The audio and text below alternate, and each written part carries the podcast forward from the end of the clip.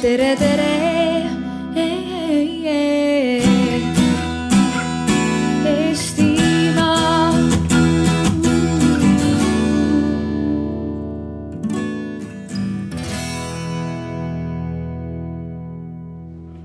I am really happy to start this discussion today.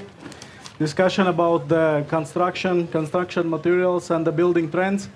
I really hope that uh, pretty soon we will have a more people, bigger audience who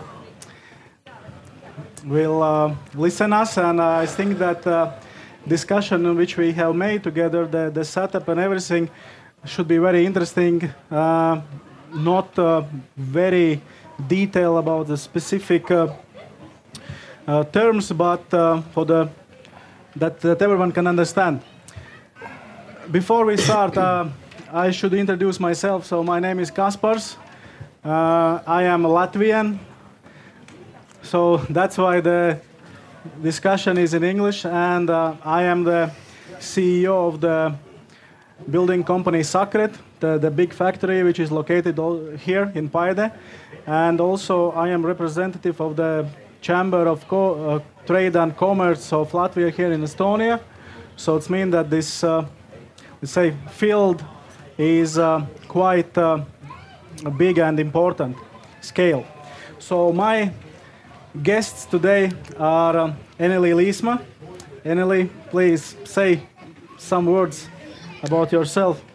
Thank you very much. Uh, yes, I'm from Merko Eesti and I'm Estonian. And uh, I'm the head of quality management department actually.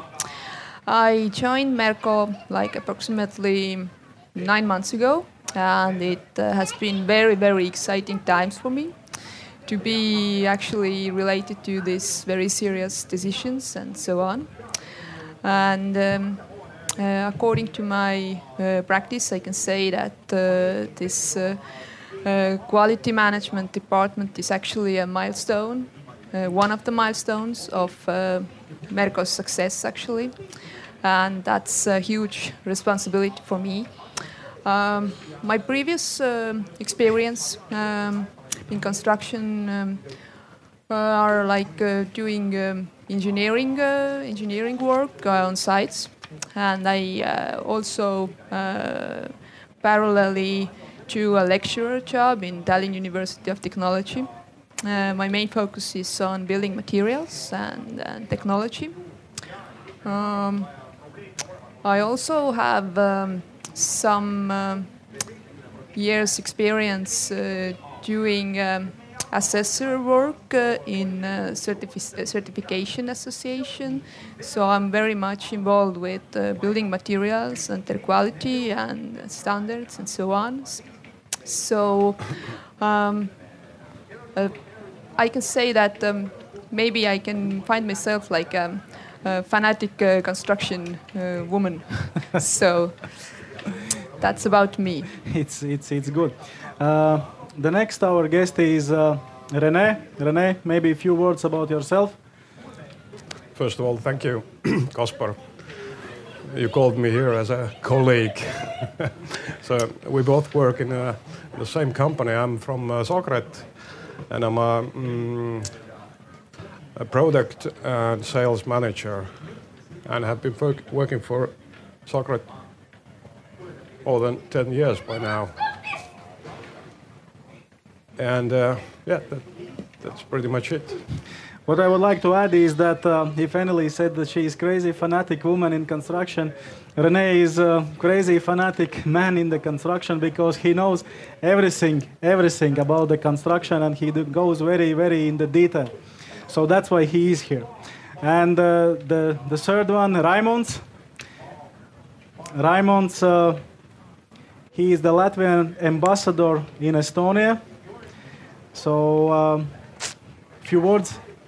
Yeah. uh,. tere, tere uh,, minu ni- nimi on Raimons, ma, ma töötan Eestis juba üks, üks aastat ja ma, ma õpin eesti keelt, keeles ke,, keelt praegu, aga aga järgmisel korral ma, ma, ma räägin, räägin eesti keeles, aga praegu, praegu inglise keeles ja, ja uh, I have been I have been here for, for one year and uh, I don't have any experience with construction at all, except that uh, I have uh, I have renovated two apartments and I have helped to my uh, father-in-law to build a, build a, a house. But um, I have worked in, in several countries prior coming to Estonia, and I have worked in, uh, in Belgium, Luxembourg, in, in South Africa, and uh, uh, in, in international organizations like United, United Nations, and uh, I had been ambassador to United Nations in, in, in Geneva. So uh, my my experience uh, brings me here after one year being in Estonia, and I have to say that th- this experience is very very interesting one. Uh, I have found many many similarities with Latvia, many uh, also many differences uh, with Latvia.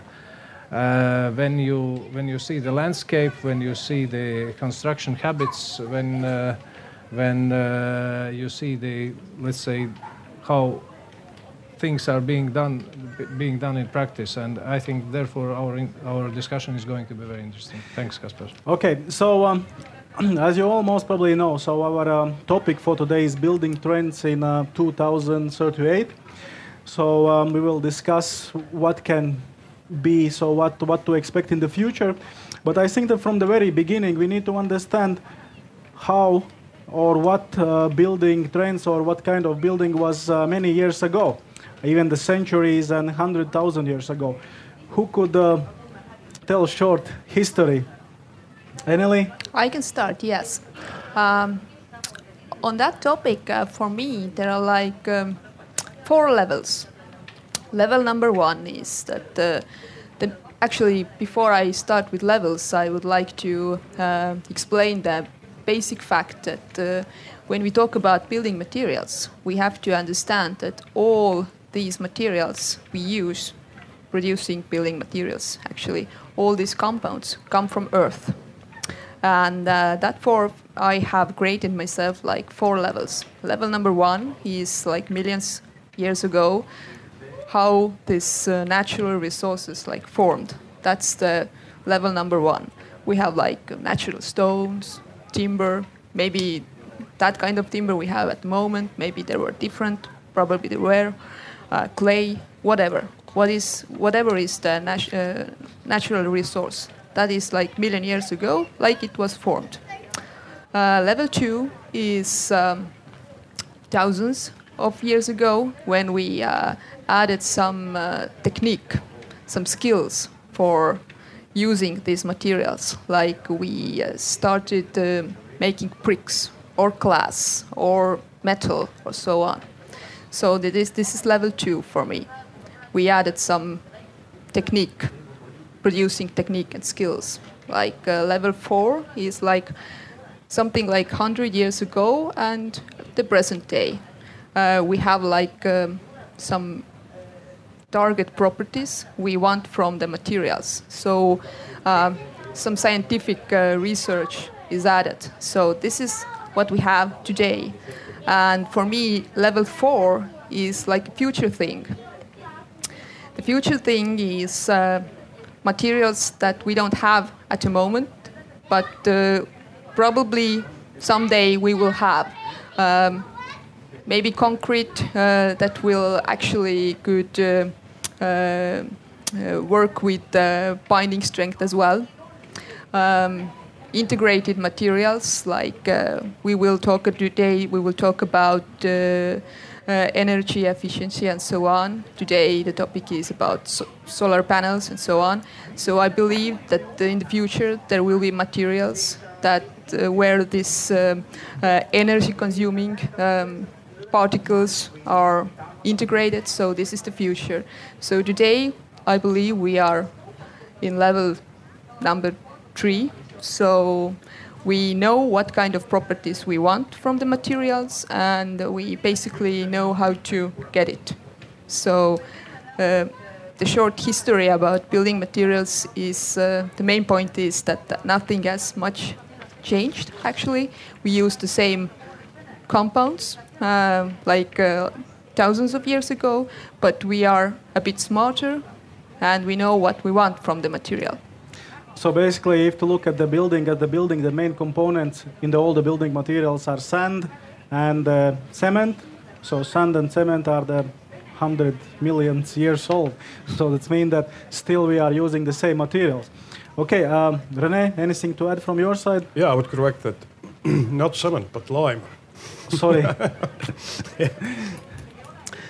Yeah. Um, well, I'm, I'm not. I'm not very. I, I not.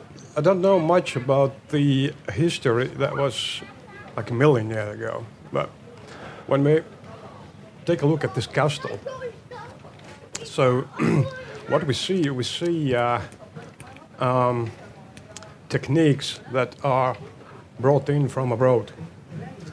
So um, those uh, stone buildings, uh, that kind of stone buildings, this tradition was brought here to Estonia or Baltic states from abroad, and and um, where where we did live before that kind of uh, that kind of buildings, those were mainly uh, th- those were shelters. Those were uh, uh, wooden cons- constructions, wooden ho- houses, etc., etc. But um, not much, not much has changed since uh, since I don't know, 10th century, 11th century, 12th century. so okay, so as We Eneli use different techniques to as build Eneli exactly said, so that the, kind of. Uh, so the technique and the skills has has grown since the um, ancient times. Okay, so that was the short history about the building materials. But let's look. Um, so what's Yeah. happening around? Raymond. Oh, Yeah. Raymond wants to say Yeah, something. yeah. No, I, I just want to say, Kaspar, probably you invited me to this discussion because you wanted to know whether we are going to build a new embassy compound uh, in, in Tallinn. But, but I have to say that no, we are, we are sticking with the current one and, and are not going to build a new one, although. And, and the- current one is, is pretty, pretty good, and, and uh, we are going to stick with that. But I would say, in, in terms of construction principles, of course, construction principles reflect certain um, also historical details, historical um historical periods uh, in the appearance of every country, and uh, and when we look at the buildings, basically they they represent certain historical periods and historical eras. For instance, if you look at Riga, the the city I'm coming from, the the end of the 19th century was a, was a, such a huge boom for a construction. So basically, all the center of Riga was built in the 30, 40 years uh, in, in, in terms of construction, and of course it it uh, it leaves certain uh, certain mark on on the on the on the face of the city and the face of the country, and and, and that, that is like this.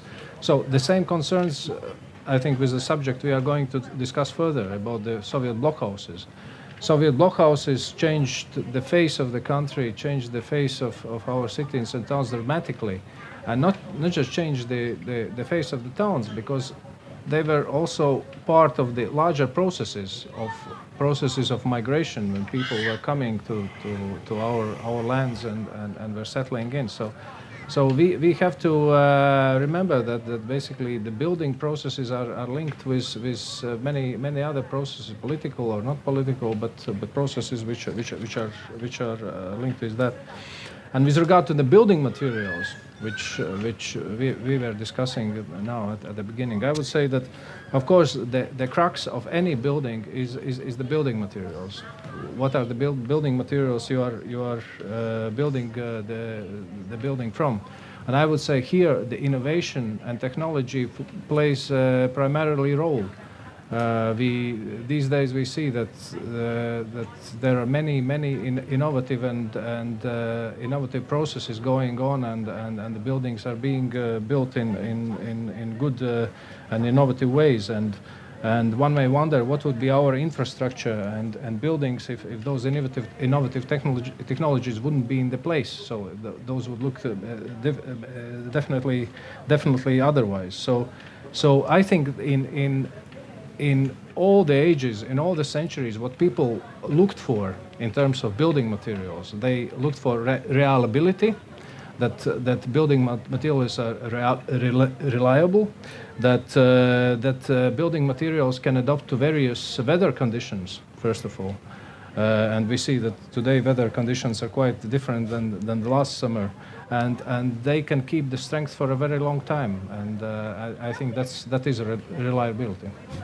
Okay, so if we are talking about the building principles and um, building, uh, let's say, culture, uh, Soviet block houses. So at least I have grown with that time of period. I think that all of us and the major majority of uh, our uh, auditory also has grown in the, in, in that uh, time of period. So, but what's uh, what's happening with those those buildings?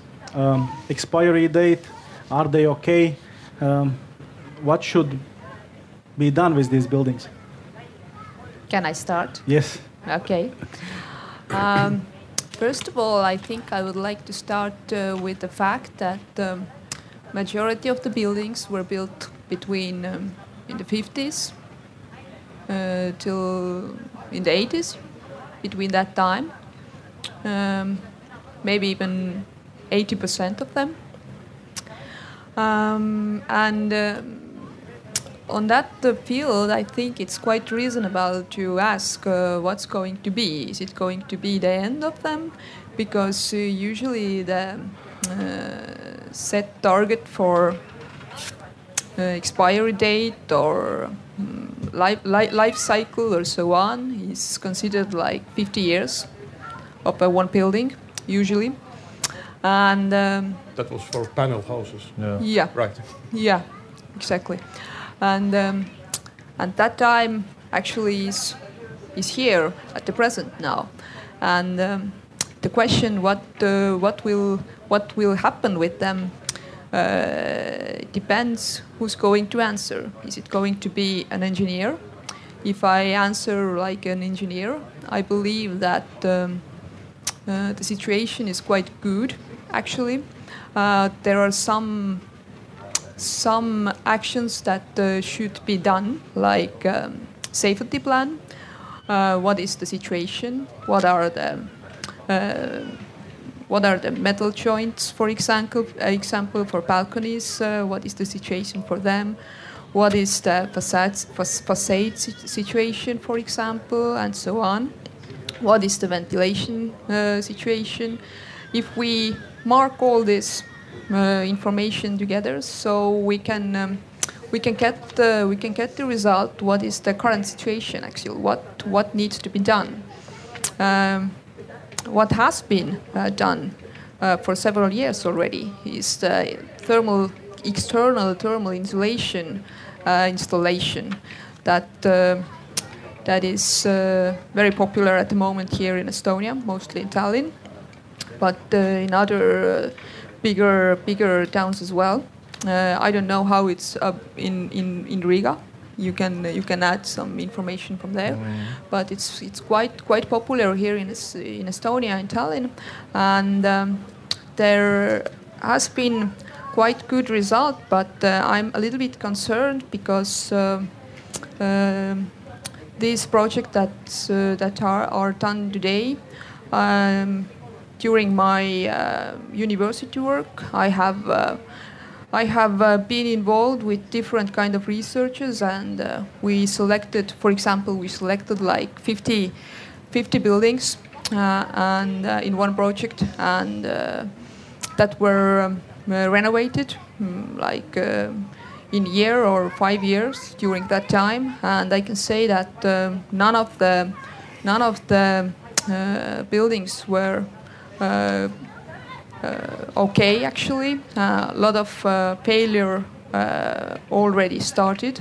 So the result of the research was that that um, these projects that, uh, according to the projects, that these uh, renovations were done uh, Uh, were very poor. Actually, uh, only um, only mentioned uh, insulation material and plaster. What kind of insulation material?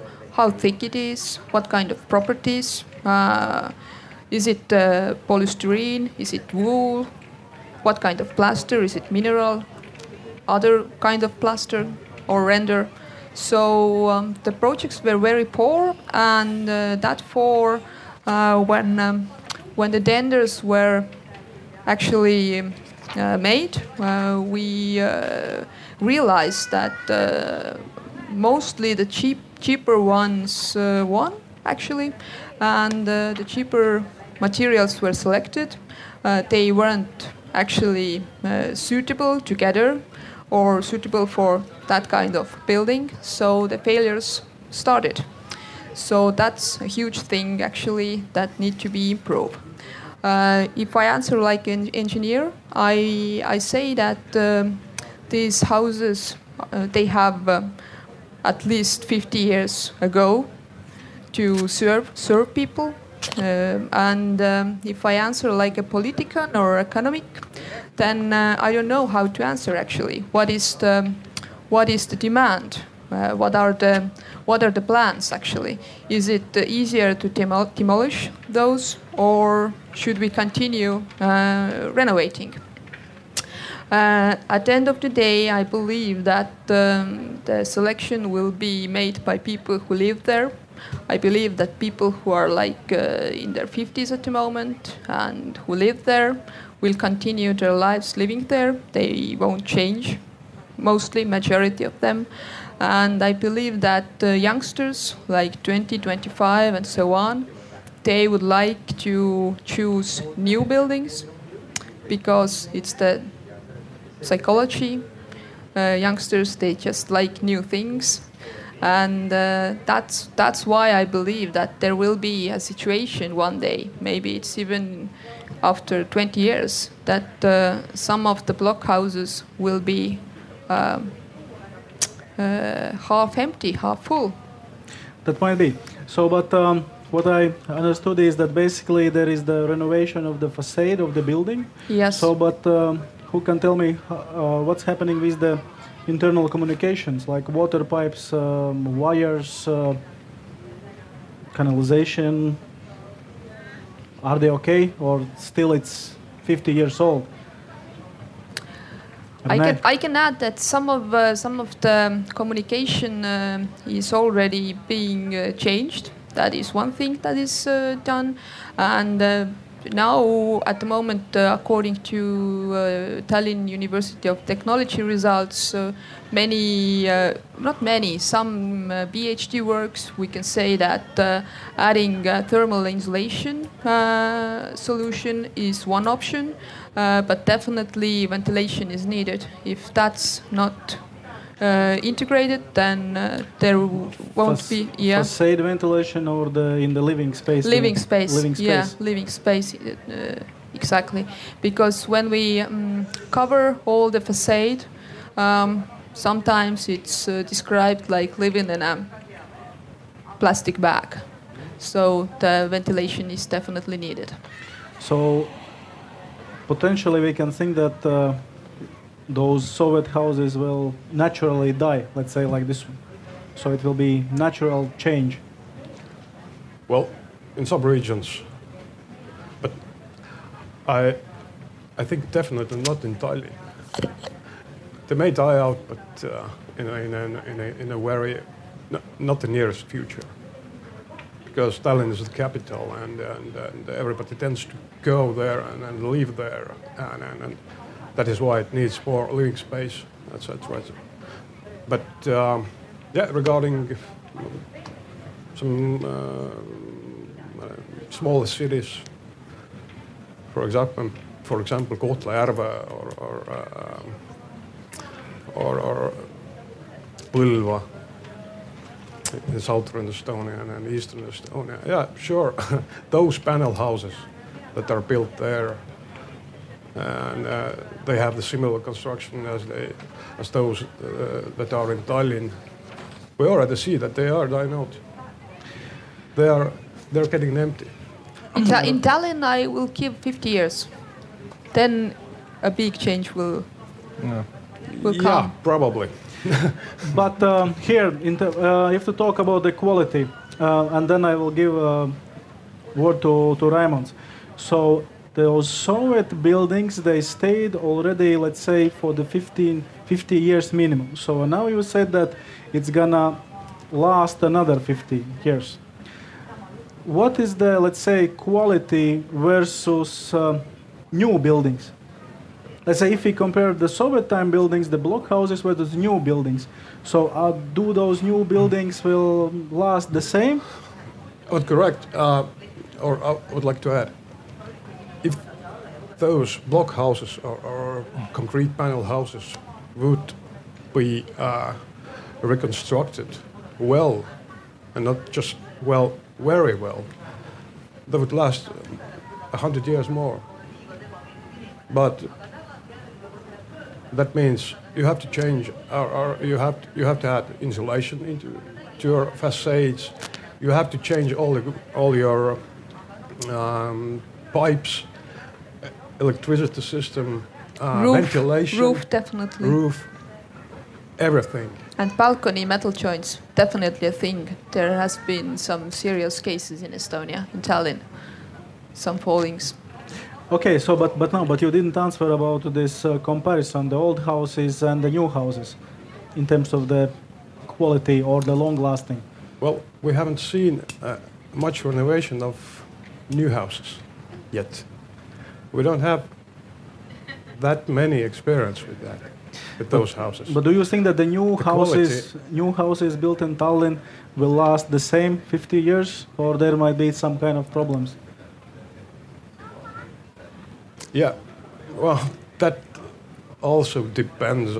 Probably more. Sure, sure, sure. They will last probably more than than those uh, that were built in Soviet times. But um, that also depends on uh, uh, on on on a on, on concrete project. So um, if you talk about uh, block houses, flat houses, um, yep, new techniques have been used uh, during during this building process. Um, if we talk about uh, private houses, well, everybody knows what is gypsum uh, or, or mm, sheetrock house, right? So um, that were uh, that were built during those uh, during this uh, uh, construction boom. I want to give them much uh, much living time. Okay. So, Raymond, tell Yeah. us in a few words how, how those Soviet buildings appeared here, from Yeah. where we got them. No, I, I, I, first of all, I would I, I will say that I have lived in in the Soviet uh, blockhouse myself for a decade, and I know exactly how the Soviet Soviet uh, blockhouse functions. And um, of course, you know your neighbors very well. and in, in, in, in Riga, I lived in a Soviet blockhouse which was on a street uh, which was called Dzhokhar Dudayev Street.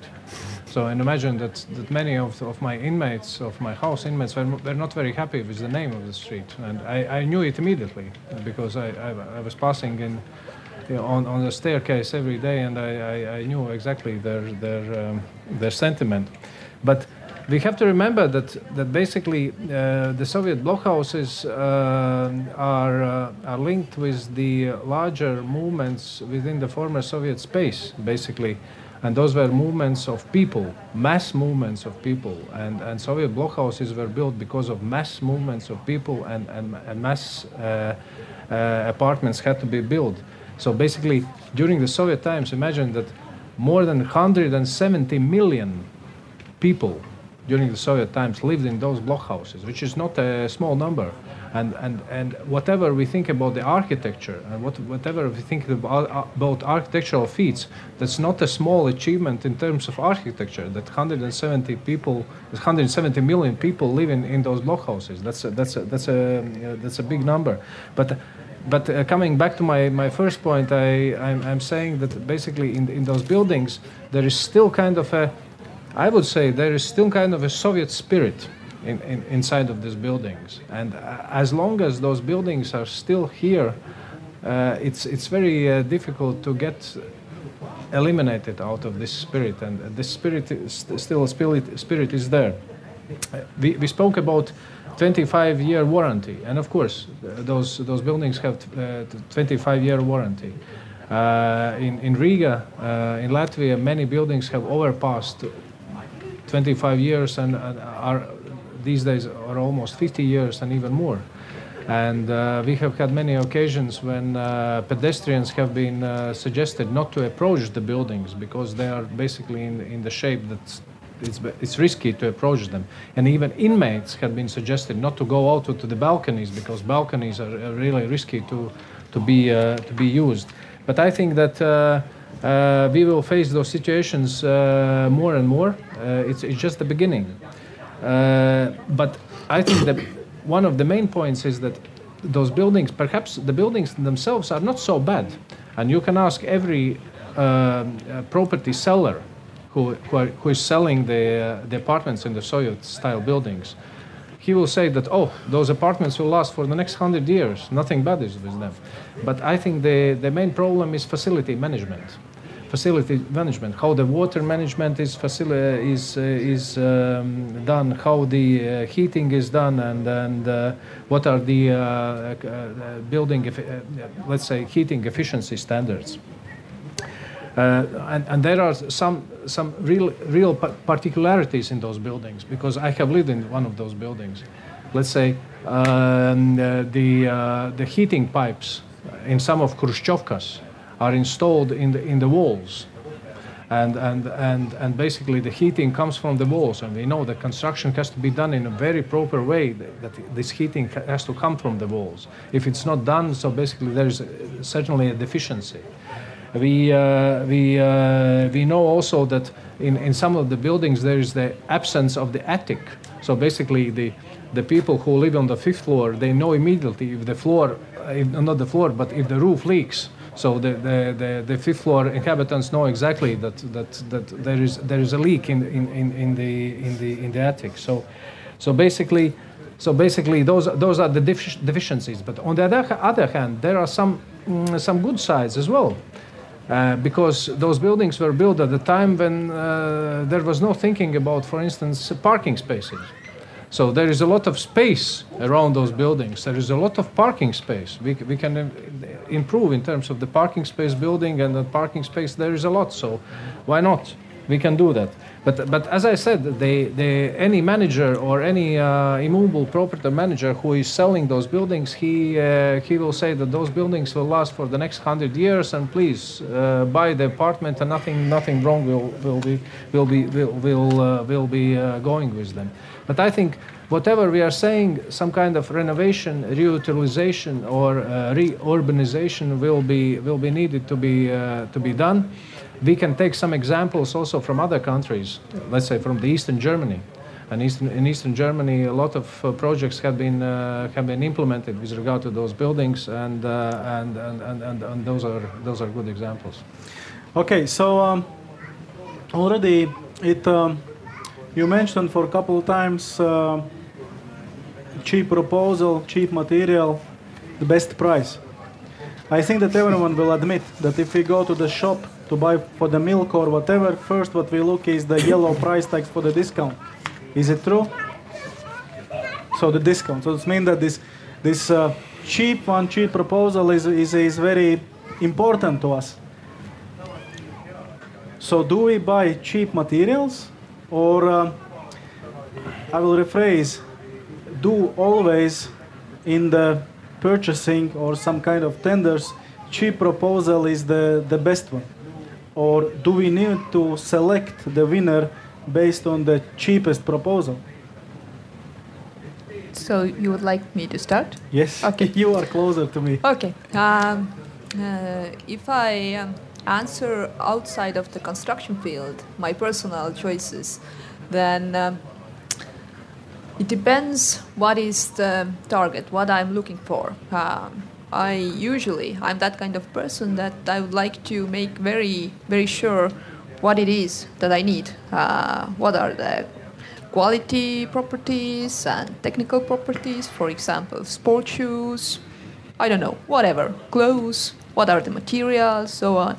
So actually, I, when I take a look outside of the construction field, I very much uh, make sure what is that I need. And then I will just uh, list the prices and I will choose.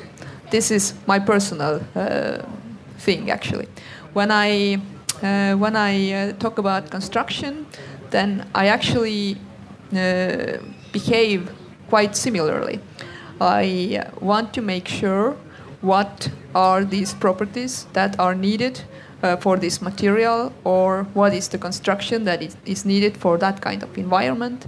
So for me, it's very, very important to know what are what is the target. Then I will actually list the price and will make the decision. That is my personal behaving, and I usually do it uh, when I was a site engineer, when I did all this. Uh, uh, proposal, cheap proposal uh, things uh, I actually did the same thing. I compared uh, what is the content, what is the price. And I actually did the selection by then because very often when we get the cheap price, um, there are some things that are probably missing, some things that are not added or are aren't uh, like uh, uh, thought true actually. So very often uh, the higher prices are more um, thought through. Uh, people who will uh, put this pr- uh, price together and the standard together actually uh, knows what it what he or she is offering. So it's like a concept thing, and sometimes there is this cheap pr- price, and uh, we can just say, "Oh, that's the price very good, let's uh, make a deal. Then the work is starting, and uh, I understand that is not included, that is not included. Uh, that one, no, no, that's not included. So the principle is that uh, Estonian, uh, Estonian uh, saying is seitse korda mõõda või üheksa korda mõõda, üks kord lõika. It's like measure seven times cut once. So I would like to, me as a quality uh, person, I would like to say that uh, think true, think uh, things true, and then make the decision. So very often. Uh, with these cheap prices, you will get the surprise that uh, many of the many many things are not included. Actually, that's going to be the extra. So the the the, the the fact is that the, the cheap one is going to be even higher. Rene, so what's happening in reality, in, in real life, in the in the construction? So you know all the builders the best. For sure, uh, I do not know all the builders. I know a lot of Most them, part in Tallinn. um, but the thing is that uh, uh, Estonian uh, construction material market um, is quite small, yet it is very competitive.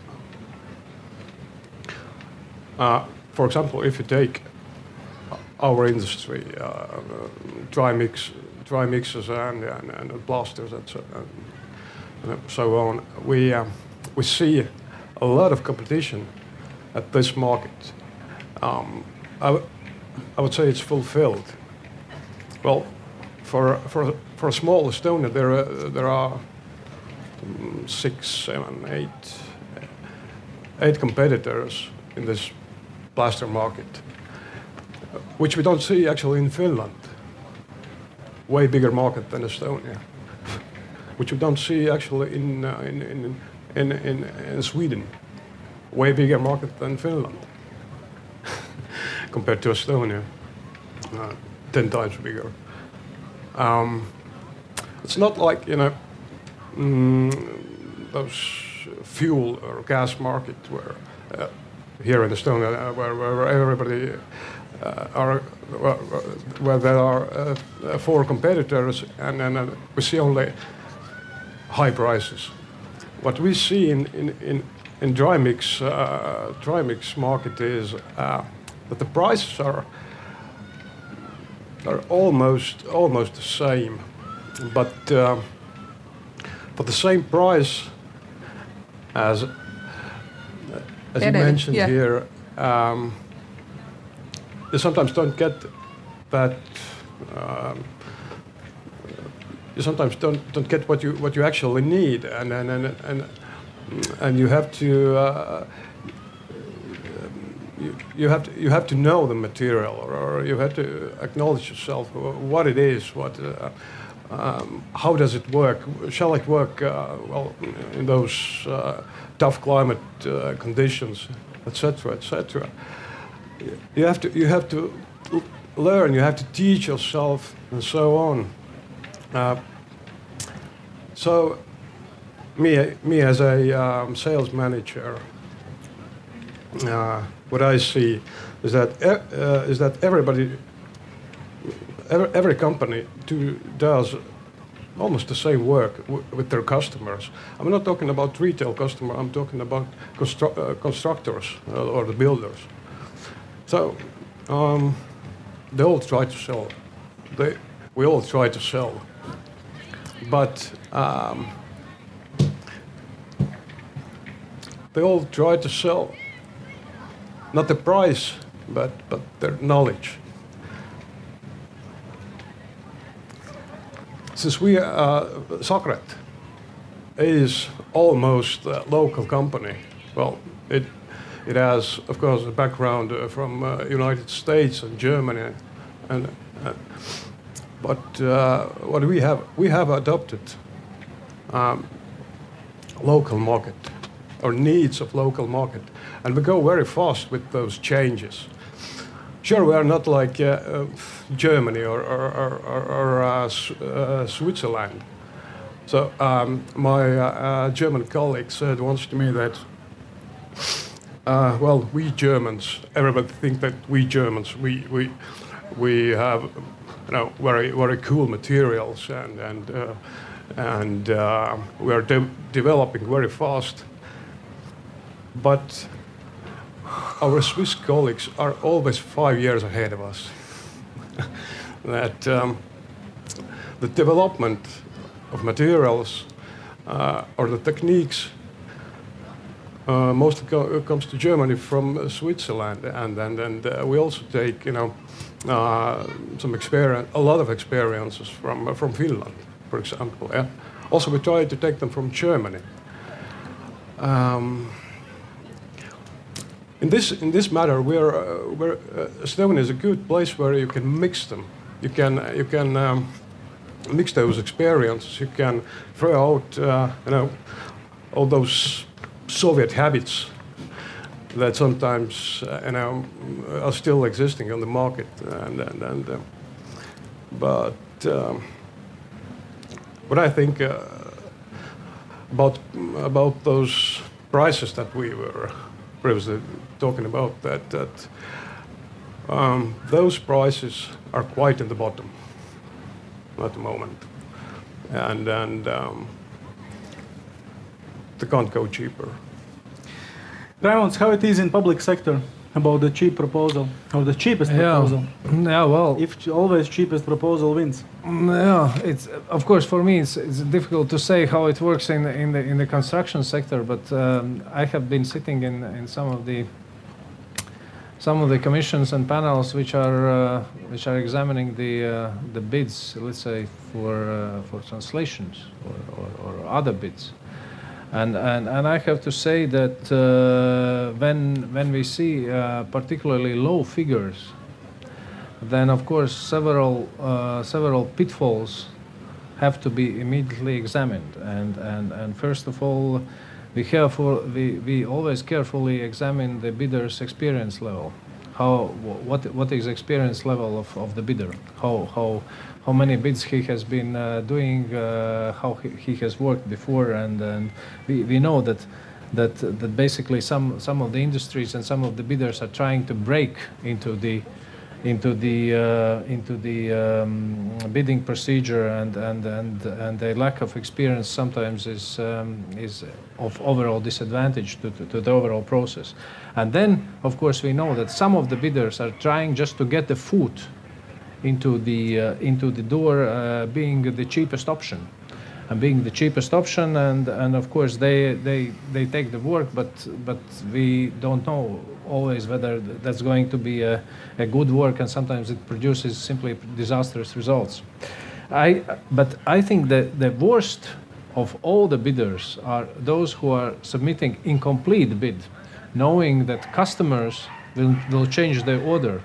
They'll change the order in, in afterwards when, when the bid is being made and, and they basically relying on the customer flexibility. And uh, basically, customer himself has to be very careful when, when such bids are being being presented.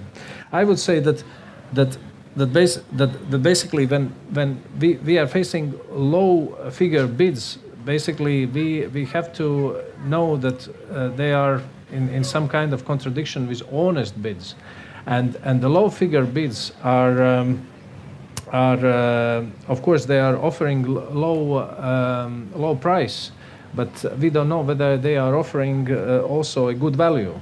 And, and by value, I mean, it's, it's not only a price, but value is a peace of mind of the customer. The customer knows that the, that the provider will provide the service, and the, the customer knows that he will have a peace of mind in terms of that, that work will be done. And, and, and that's a, that's a, that's a, that's a really a really big thing for for for a, for a client.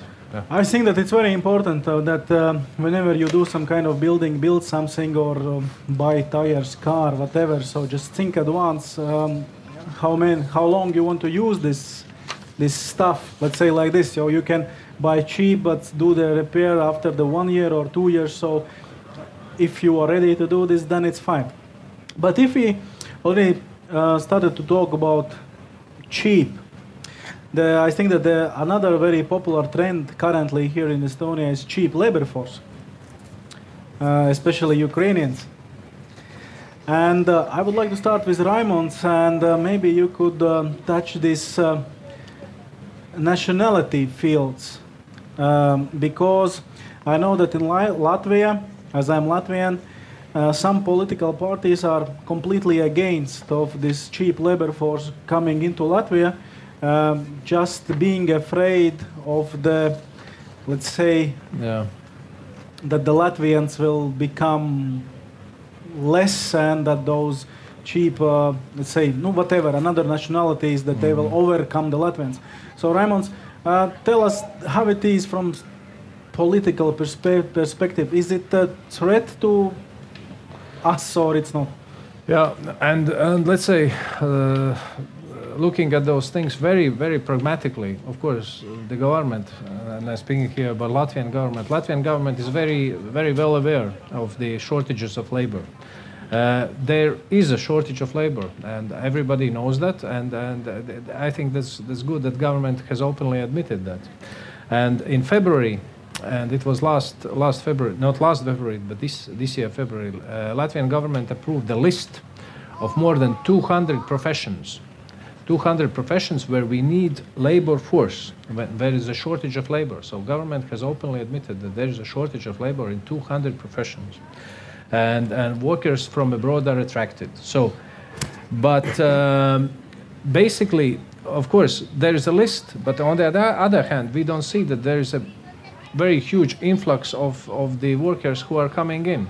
I was just checking the, the latest numbers from the uh, Ministry of Interior, from the Citizenship and Immigration Department. So basically, this year, imagine that that uh, uh, this uh, year we have issued the um, uh, the uh, first-time residence permits for employment purposes to third country nationals, and, and that's 1,700 this year which is not a big number if, if, if, if, we take the overall numbers which are predicted. So, and, and starting from the very beginning, so basically the work permits which have been issued to, to, to third country nationals have been 6,000 so far. So basically, if we speak about the foreign third country nationals which work currently in Latvia, because there is a need for certain kind of workers, there are 6,000 foreign uh, foreign workers from the third countries, not from the EU countries, which work in Latvia.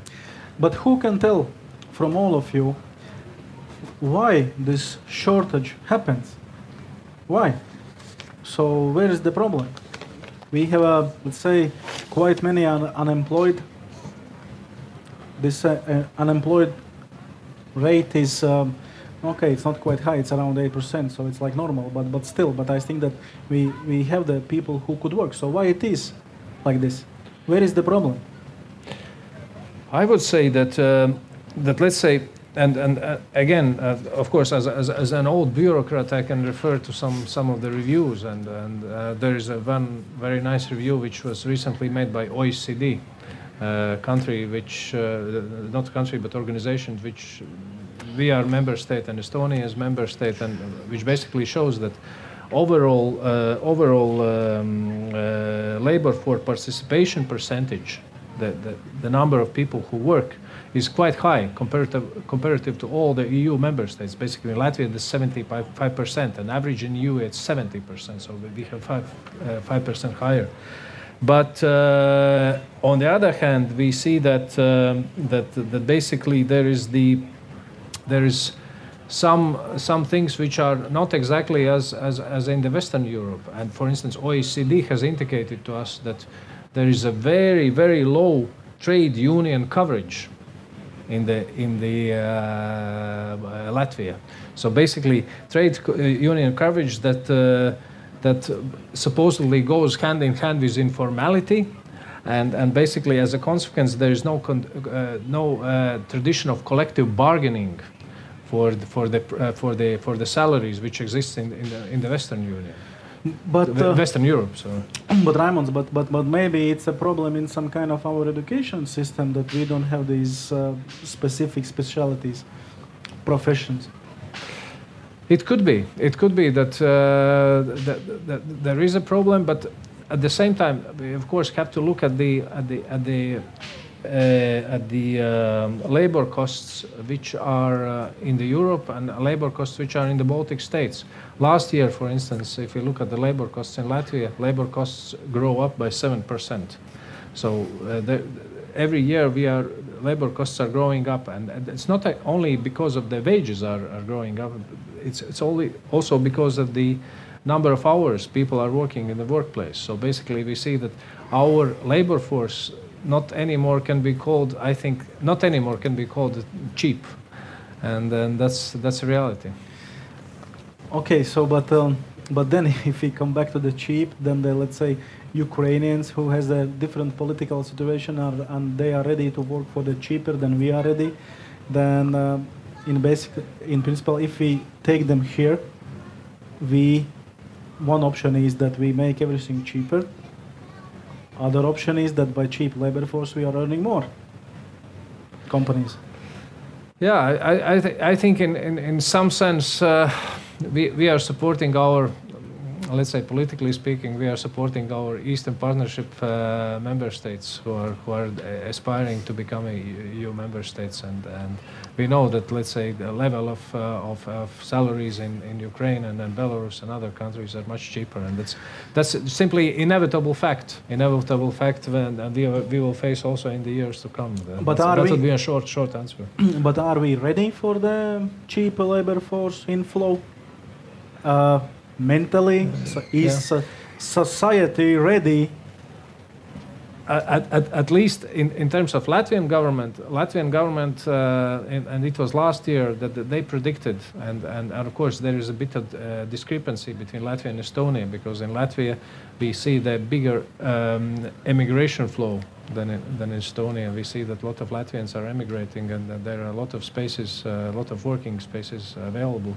So basically, the government estimate if the emigration flow is like this till 2022, then we will need by 2022 to, to 30, 30, 30,000 uh, workers.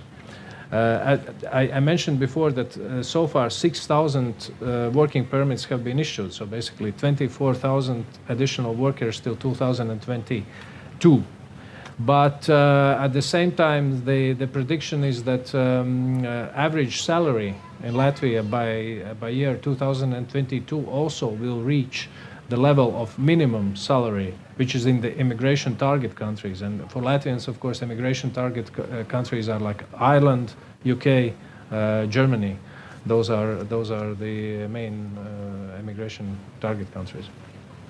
Okay, so um, so basically we we can do whatever we want, but we need the extra hands from other countries. Definitely, we need them. Uh, if I may add, uh, some some information from my opinion is that um, if uh, our local people decline the work, it's inev- inevitable that we use uh, foreign labor force. Uh, but uh, it's one very high signal. the fact that we need them is that I think um, our economy has. Um, Uh, like uh, going up. Uh, our people uh, have the taste of a good life, and uh, and I I can sure tell that this kind of construction work is a very hard work actually, and and I believe that the attitude has changed, and um, and parallelly I can I can uh, definitely add that uh, if um, uh, we compare Estonian construction market, actually sub-construction labor force people uh, still uh, Estonian people go to Finland or to other Scandinavian uh, countries to do that kind of work, maybe even live there. And the migration trend uh, like uh, will take the form that Ukrainians, Polish people will come here. So in one time it's becoming like a common common thing actually. But okay. but one thing I would like to add, uh, if uh, this thing is going to happen and it uh, sure will, uh, these construction companies they must actually prepare because uh, we have to guarantee that uh, all the documentation work uh, is um, in, the, in that language that both parties actually agree what they sign, what kind of guidelines are like fulfilled, and so on. other thing is um, like health and uh, health safety and, and, that kind of thing actually um, uh, there is uh, another thing uh, uh, actually is this language language issue. people who come from other other countries. Um, how do we communicate with them? Uh, do they understand the direct orders and so on to, to fo- fulfill these guidelines? So these are the preparations that must be actually done before we can uh, can go with that direction but uh, I can say that uh, today uh, not much is prepared. Just workflow maybe is starting to to to happen, but but things are, aren't in right right order actually. Anyway, uh, so you mentioned one very good moment, uh, health and safety. Exactly. Yeah. How we are doing with the health and safety? Uh, if, uh, overall in industry, overall, so how you would uh, evaluate? Is it good, bad, uh, needs improvement, or? Uh, if I compare it uh, like 10 years ago or 20 years ago, mm, 20 is maybe too much for me, but um, 10 or 15, I think we have done a huge improvement. Mm, there are um, correct helmets, safety vests. there are like safety boots and so on. That uh, was like a, a fantasy world uh, in the like uh, 2005 when I started uh, in the in that field in in site, sites actually.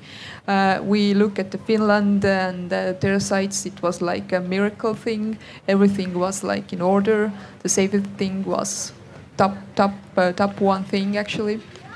Uh, today, uh, a huge improvement has uh, uh has made, but uh, I can say that there is still much to do and a lot of preparation in that field.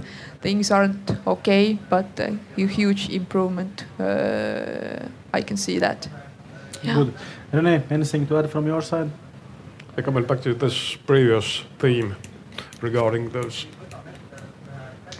uh, labor flow. Well, if I had a correct answer to that, I would be a politician, but or, or if I had an answer at all. Well, but as much as I have talked to um, constructors, the builders, the those uh, who who do the, the blackest work, there is one common thing that they always say: it is wage. It is the wage why have why we have left. It is it is the salary. It is it is it is money that talks, and um, it, this is this is this is the issue that is mostly the, the uh, what, what construction say. Yeah, sure, uh, they aren't saying that. You know, we are we're going uh, we're going to Finland for good. Sure, there are uh, most of them uh, want to come back after they have worked for 10 or 20 years. Uh, but money it is. And, and if, you, if we take a look at, um, for example, Polish, uh, for, uh, Polish workers, that uh, it's not a long time history. They were here some five years ago. They persisted here on our building market. Now they're gone. And, and uh, why is that? It's, it's quite hard to tell me uh, why they, they do not come to Estonia. Uh, but, but it's probably their e- economy has grown a lot. Um, Ukrainian labor is also going to to uh, Poland. We see it a lot. Um, so, money.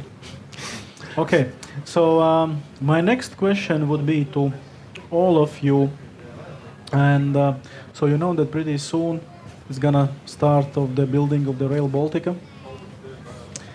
How this will influence the the building or overall economics in the Baltic countries? Well, first of all, I think um, uh, the big question is uh, who's going to grab the bigger bite? Because if we take a look at the market, construction market, uh, very interesting uh, actions actually being made. Some um, big European countries buying Estonian smaller construction companies to sneak in. Um, some some quarries are being bought some quarry permits everywhere being in action. So the preparation is very much in action. So the question is who's going to grab the biggest bite actually. Uh, it's a huge, huge project. There will be um, what let's picture like a bite. There will be different slices, and the main question is uh, what Estonia will going to grab, what Latvia will going to grab, and maybe even China, because I, ha- I have heard that they are very, very active in that field. So that is the first thing I think. Uh, not, nothing sure about it, but uh, one thing that is sure that it will come. What else to uh, to talk about that? Um, I know that Estonian uh, companies are interested at the moment uh, mostly in earthworks. Uh, most of the uh, soil and aggregate is already in the quarries that, that, I mentioned are already like marked. This is going to be there, that is going to be there, so on. This logistic is being being made. Um, what is uh, about this? Um, signal works and other specific works, I believe that uh, will be done by um, bigger companies from Europe. Um, the main question is, yeah, who's going to do what actually, and what kind of uh, cooperation combination there will be. Uh, but definitely, the economic will be very much, very much uh, accelerated by that. Well. Well, one thing about this um, Rail Baltica is good that, uh, uh, as I've heard, uh, over 80 new quarries will be opened. Correct me if I'm wrong, but uh, I remember that over 80 new quarries, uh, which is quite good for our business or for our industry, right? Uh, sand, the limestones, uh, whatever aggregates uh, we can get from there or, or, or buy, buy there. Um, that's quite good for our business. But don't, But- you, but, uh, but don't you think that all the prices will go up? Uh, but I'm more concerned that um, uh, if you mean building price, uh, the con- construction prices, Uh, material prices. material. No, I don't think so. Uh, I'm more concerned that uh, w- with opening new quarries, uh, we will we are. Um, uh, we're sucking dry our uh, natural resources faster than uh, than uh, than it should be. Do you think that it will influence? I think, I think we should use we should use more uh, recyclable materials in this matter, which we well we don't have much uh, experience in that. But if we, if we will if we take a look at, at Europe, Western Europe, uh, they use a lot of recycled material there, even in new buildings. About recycled recycled materials, we'll talk a little bit later. But Raimonds, about Rail Baltic. Yeah, no, no, I, I I would I would say that first of all, speaking about Rail Baltica, we, we shall not speak in the in the future tense. We, we have to speak about uh, the project in the present tense, because the project is ongoing. It goes on. A couple of weeks ago, uh, three ministries, ministries from Latvia, Estonia, Lithuania, and Rail Baltic signed agreement about about um, uh, about uh, infrastructure uh, infrastructure improvement about uh, how how to build for instance specific bridge in Lithuania uh, uh, um, above the river Neris which will cost if I'm not mistaken more than more than 100 million euros, and Lithuanians have been allocated that. So basically, that's that's not something uh, mystical. So Rail Baltica is ongoing project, and uh, for instance, during the last uh, conference, which was in Tallinn in, in April on, on Rail Baltica, there were many contractors who were participating and who uh, basically who were not so much interested about let's say political side or, or different other sides of Rail Baltica, but who were interested how to participate in tenders. And then, of course, Latvian side, who, who was also participating in, in the conference, they explained that you can participate in the tenders electronically. You have to submit the, the tender applications electronically. So everything goes on already. Basically, there is no more design phase. It's a real project with, with, with real works which is which are already ongoing. And basically, those who are not following exactly, uh, basically don't know. But but on on some uh, parts of Rail Baltica, uh, works are already ongoing, and we will see them them the more and more. But but all in all, I think that of course it's it's not just a, a future uh, uh, high-speed railway. It's it's a whole new economic corridor. And along the new economic corridor, of course, we are building uh, massive opportunities for uh, for um, for uh, value creation, creation uh, uh, along the uh, Rail Baltic infrastructure, and, tho- and those, of course, are, are uh, commercial property development. Uh, those are uh, development of urban areas. Uh, just name it. So basically, th- that's that's it. And uh, and uh, and of course, we know that that's that's that's a huge project for the for the all three Baltic states. Basically, that's six billion, six billion euros where 80% are financed from the from the Euro- European Commission money. It, it, it will change uh, the face of our countries uh, in the years to come uh, in, in, in, in, in, many ways. And, uh, and every country, I think, has some advantages, maybe some disadvantages. Um, with regard to this project, for instance, Estonia, as, as we had been discussing here, will have Muuga port which will be connected with uh, with Rail Baltica, and that, that basically will be the only port which will be connected with Rail Baltica. Of course, in terms of the airports, that will be Riga airport which will be connected. Lithuanians have the high-speed railway between the two major cities, uh, Kaunas and, and Vilnius, but uh, every country will, will, will definitely benefit out of that. So you said that the total value of this project is six billion euros, A bit less than that, No, but uh, 5.8. like- yeah, yeah. but no, it's it's it's close. So how it will, uh, let's say, affect overall economy of the countries? So not just by building, but but the other stuff, the money which will, so those workers will buy food, so the money goes in economic, etc., etc. And uh, do we have um, skills to do it, and do we have a labor force for this one? That's a good question. I, th- I uh, it, uh, as we discussed the previous subject, so basically, according to estimates of our go- of our government, so basically by 2022 we need 30,000, 30, 30 additional workers, and and uh, here we include also the workers which will be needed for Rail Baltica.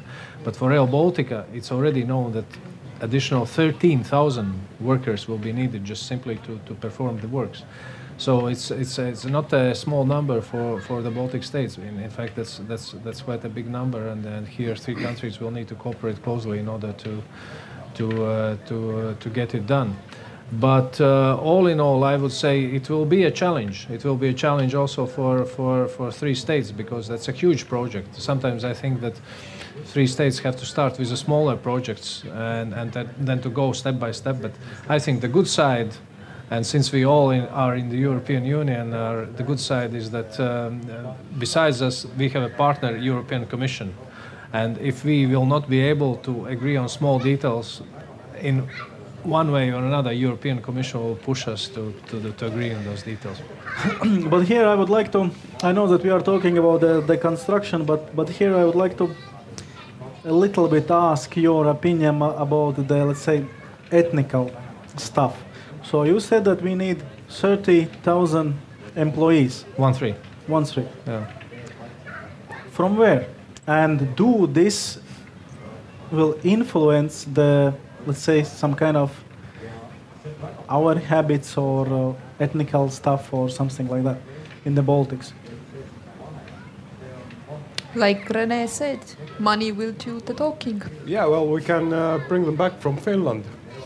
Our our workers, uh, our constructors that have left, or, or wherever they are. This, is- this is quite uh, quite realistic option. We don't have to bring them from Ukraine, from wherever. Well, it's a sure thing that is, it's like it's like a honeypot. People just will come together. This is a work, good salary, so on. There's going to be a competition for that. Actually, I believe uh, who will get the get the get the get the get the job actually. And uh, I've heard that um, uh, talk, talking like uh, from uh, from China, they are like, uh, oh, give it all to us. We have uh, all the people and uh, all the hardware. That's the that's the Chinese. yeah Chinese people. Uh, that's the kitchen stories that I've heard. But um, now, the Rail Baltic is very big project with the with the huge investments. But um, in the same time, I have heard that Estonians would like to dig the tunnel from Tallinn to Helsinki. How realistic is this project? Who can tell me? Or this is not realistic, or this is some kind of utopia? I think it's realistic, but uh, the cost is. Uh, what was the cost? If some somebody remembers, was it four billion? There are different uh, different calculations. It depends what kind of technology it's go- it's going to be. I don't remember the numbers, but they were like uh, very different from one one way to another. There is this uh, Finland guy, uh, Angry Bird guy. I don't remember his name at the moment. Uh, he has his own idea, and there's this other party who has his own ideas. So they, I think they were very, very different from each other. So the technology is completely different. But um, I don't know. I don't know how to predict it. Uh, I, I heard that there is this discussion, uh, like uh, uh, somewhere there, about this uh, tunnel, tunnel digging thing. Uh, maybe there are people who are much more informed, but uh, I don't have my personal opinion. But I think it will come. But uh, Rail Baltic is is uh, is before that. But uh, don't you think that if um, this project comes and uh, let's say we dig the tunnel to the Helsinki, it will change or let's say change the all the ferry business because It will. It will. It won't change, but uh, it will be a competitor, and then there will be a competition. yeah, but, that. but uh, if I'm not mistaken, On this distance from Tallinn to Helsinki is 60 kilometers. seventy something. 70, so it's like to- 76. It's um, uh, it's like shorter way to Helsinki than to Paide from Tallinn. Actually, Yes, that's yes. your point. I think. Yes. Yeah. So uh, and then by car you can get there, let's say by one hour. If you go by ferry, so it's two hours and uh, time before you get on the ferry, and also I think that then it's much um, faster. yeah, it depends on the ticket of the tunnel and, and so on. So it's going to be a competition that way as well. But uh, I, I think there will be people who would like to use the tunnel and still this ferry, uh, ferry tourists, definitely. Okay. Yeah. Uh, Yeah, just just to say that that I think the tunnel, of course, is a natural um, natural pro- prolongation of, of the Rail Baltica. It, because basically it, it, it, it makes the whole corridor uh, through all the Baltic states to Finland and further north uh, available for the cargo and everything. So basically that's it's quite a natural continuation of, of, of Rail Baltica and, uh, I, I think it uh, inevitably will be done uh, sooner or later. But uh, but uh, whether necessarily it should be connected with, with, with the current works of Rail Baltica, I'm not sure. I think Rail Baltica will go on uh, in despite of everything what, what, what is going with regard to the tunnel because Rail Baltica project is a concrete project, as I said, concrete bridges and, and, and concrete allocation of funds. Design phase is already finished, but uh, northern corridor, which, which is necessary for the cargo, de- definitely is, is connected with the tunnel, and, and that, that is going to be uh, also in the future plans. Sure. Um, say we have until the end of our discussion 15 minutes, but uh, we have two topics still to discuss. So uh, let's be quick with this one. Uh, Rene, you already mentioned recyclable building materials. So, so what are the, the trends now? There is there is. Uh, do we have? Don't we have? Is it a big problem or it's? Uh, The trends are they persist in uh, Western Europe. Um, basically, two materials: uh, wood and concrete, wood and stone. You can recycle them. You can use them again and again, and, uh, as an uh, aggregate to a concrete or or, or uh, whatever sheets you you, you um, produce. Um, we, here in Mäo, uh, uh, next to Paide, Mäo, uh, there is a uh, factory that uses recycled plastic uh, in order to, to produce um, uh, also some, mm, some panels. It's a good, uh, good example. In Western Europe, they use a lot um, smashed concrete to use it again in concrete. So well, uh, this uh, that, that that is uh, that's quite normal how, how how things should work actually. so We it don't should to- should work. should work. Do they work now here? Uh, not exactly. Why? Not that I know. Well, I can answer that, you can answer that. but you can first add your. No, no. Uh, if you if you know more, go I ahead. don't know the answer, but I, um, uh, in my opinion, there is this um, paradox thing. Uh, recycled materials. This is a beautiful idea, but uh, I have actually trying to uh, produce myself with different kind of uh, research uh, studies uh, using recycled materials, and I know what is the trouble with them. Um, the properties technical properties they uh, vary a lot and um, uh, usually mostly when we use uh, building materials in construction work there are very certain regulation uh, that are like that have to fulfill. And uh, with this kind of um, recycled materials, um, usually they don't have their own standards. That's one problem. You have to actually mm, make sure and uh, guarantee some kind of uh, technical properties. You have to do a lot of tests and so on. Um, and as I mentioned, these properties uh, vary a lot. You can guarantee a stability, and that is one thing, uh, one huge problem with recycled materials. If you take a concrete panel, what, whatever kind of concrete element, you demolish it, you uh, pick it from one block uh, house, then with other block house, the material uh, properties are different, and uh, that that that is where these problems uh, usually start. We cannot guarantee the stability. That's mostly the problem with these materials, these recycled materials, and not, using. Not a lot of uh, research has been done. Uh, actually, uh, research uh, is done, uh, but here in yes, Estonia. but not here in Estonia. Um, lot of uh, lot of uh, scientific articles about recycled materials uh, are being produced, but uh, it's very like case study uh, thing. You pick some materials, you use it, you got the results, you then got the answer if, it's uh, possible to use it or not, and then you maybe can do this one site or object, but uh, you can do it like in a mass production. So um, if we uh, talk about mass production, like uh, building material companies who's produ- who are producing materials, they have like very certain standards to follow. So recycled materials, there is a problem that uh, they vary. So basically, then the new standard should be created.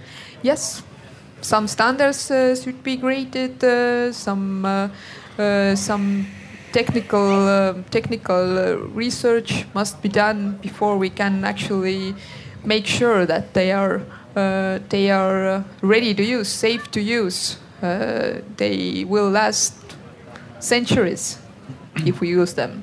Okay. So the the last topic of uh, today's discussion, we all know that um, by that um, 2020 the new European Union directive comes into the force for the effic- efficiency for the houses.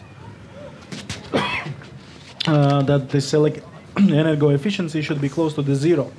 How this will change the the building uh, style trends? Well, I think um, it's a coin with two sides. Um,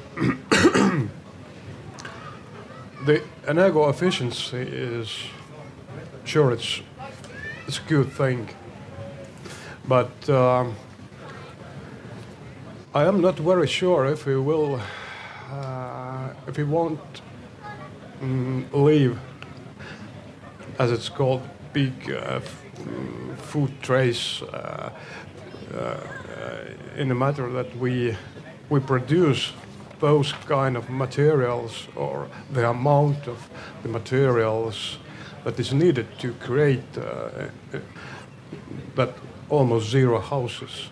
So, for example, if uh, if we take um, EPS as a um, insulation material, uh, four or five hundred millimeter thickness on the wall, it's uh, it's quite normal for I mean for uh, concrete houses to create uh, almost zero house, right? So um, you can imagine how much plastic or, or polymers are needed to um, to to create uh, amount of material. So, but this is for the existing buildings, but for the new buildings. No, not even for existing existing buildings, but but the buildings to come. Um, well, some are using wood, some are using um, mineral wool as an insula- insulation. Uh, there are different materials, but uh, we don't we actually do not know, um, or presently we are not that uh, that developed to, to say that uh, or, or know um, how to build that uh, thin walls that uh, have uh, the smallest um, thermal um, or, or that can resist You mean the smallest thermal conductivity? Conductivity. conductivity. Yes. So. Um,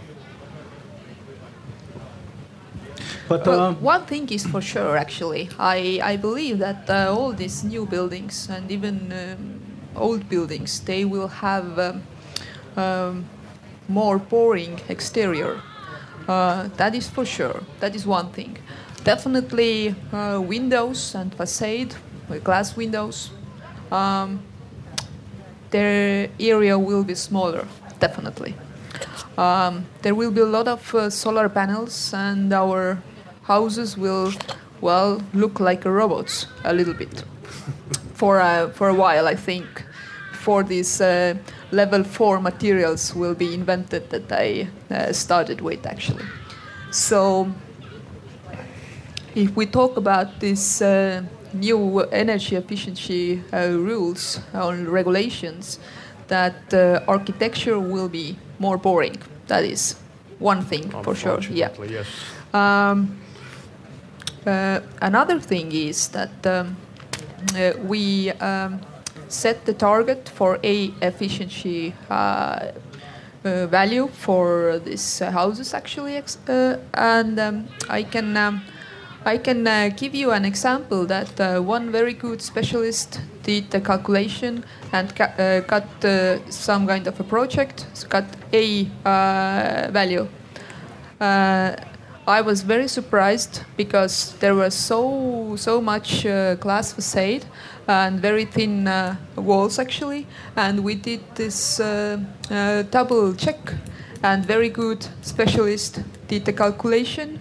Secondly, and got C value, uh, and then uh, we uh, uh, made like. Um, uh, small get together and uh, decided let's make it be at least. So i think there are some um, uncertainties doing the calculations as well actually. And the other thing is that one thing is calculated value but the other thing is what is the real life because we have so less experience actually we don't even have the experience so Almost. almost yes so i think uh, we rushed into something we actually Exactly. don't know. And that is a problem, definitely. And uh, one other thing is uh, when we mm, uh, follow this uh, regulation, uh, then um, every European country sets itself these target values. And Estonia, of course, is uh, like top number one. Let's do like uh, Nordic countries do. And do it Uh, faster. and do it faster even um, uh, because when i compare to other european countries uh, for a value uh, an uh, efficiency number for example i don't remember it was maybe austria they had like um, almost uh, 60 or even 70 percent uh, lower uh, target value than we uh, are trying to fulfill. So uh, my idea is that I think um, when we set these target values, they should be like um, maybe uh, correlated or somewhat um, related to uh, average salary or something like that. Because actually, at the end of the day, uh, we as a person pay for the increase. Sure. That's my point. I think it's you explained very good about this one. So unfortunately, Yeah. we need to wrap up, and I Ju- ju- Raymond, ju- yes. ju- no, just just a one one short point about uh, about uh, energy energy directive and that- because basically and, and I'm speaking here as a, as a government official of course commission issues guidance notes regularly how this energy directive has to be implemented. And then, of course, from and, and I'm speaking again from the government point of view, government is, is submitting annual reports to the Commission how the energy directive is implemented. And basically, that's a that's a process when there are responses, questions. So basically, that's that's uh, that's ongoing thing. It's, it's not that uh, that basically something is set in the stone and, and you have to implement the directive in, in exactly in such a way. So that's that's very important. And, and from Latvian government uh, point of view, I have to say that of course. Uh, there is uh, cohesion funds which are available to implement uh, energy directive and let's say for the I, I, was just checking for residential buildings uh, till 2020 for instance in latvia we have 166 million euros available uh, but of course, the biggest part is EU cohesion money, but then there, there is also uh, government money, which is for, for, for that purposes allocated. Yeah. Okay, very good. Uh, to wrap up, so what changes we will have in 2038, or or do we will have them at all, or everything will stay like it is now? I think we will have we will see. Sure, we will see smart materials. I don't know what smart concrete, uh, in, in, in intelligent concrete, so-called, yeah, which is uh, being, which is in a developing process at the moment. We already have uh, smart coats, adhesives, etc. We will see smart materials. It's just like uh, you know mobile phones that were uh, almost impossible some 25 years ago.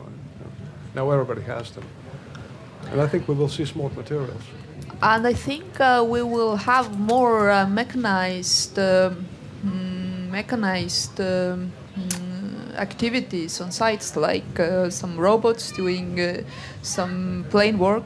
So the labor force uh, problem uh, will decrease a little bit, I think. And definitely one um, one thing that is very very mm, uh, hype and popular at the moment is BIM, like uh, building information mm-hmm. modeling. Um, in some countries, it is all already mandatory, and I believe in several years in Estonia it will it will be as well. I know that uh, people are working on that at the moment. I believe it will be maybe even in within five years, but uh, it will be definitely 2030 uh, Eight. Eight, yes. And I believe that there will be some kind of um, mm, uh, drawing uh, project uh, uh improvement. Uh, I know that there are some kind of classes you put in, you go on a site, you see like a three dimensional, uh, like a drawing where pipes are, where walls are, and so on. So at the moment we look at look at it on the um, computers, and I believe that uh, by that we will have that kind of uh, technology that is mostly mostly common thing. So uh, and I believe that there will be yes, like Rene mentioned, smart materials, and I believe that. Um, uh, some elements and uh, that kind of material or products uh, are mostly made in um, in in factories and uh, even not even small elements like we have at the moment, but like whole facade or maybe even some models. So I believe uh, mo mo most work will be done uh, in factories and uh, in sites only installation process. Just, just a short answer. I think we, we will continue to implement the EU directives. At that time, I don't know whether that, that's going to be EU 2020, but, but something else. But, but the, the positive thing is, is that there will be EU and we will be in the EU. okay. Thank you very much for the discussion. I hope you liked and uh, thank you. Thank you, Kaspars. Okay.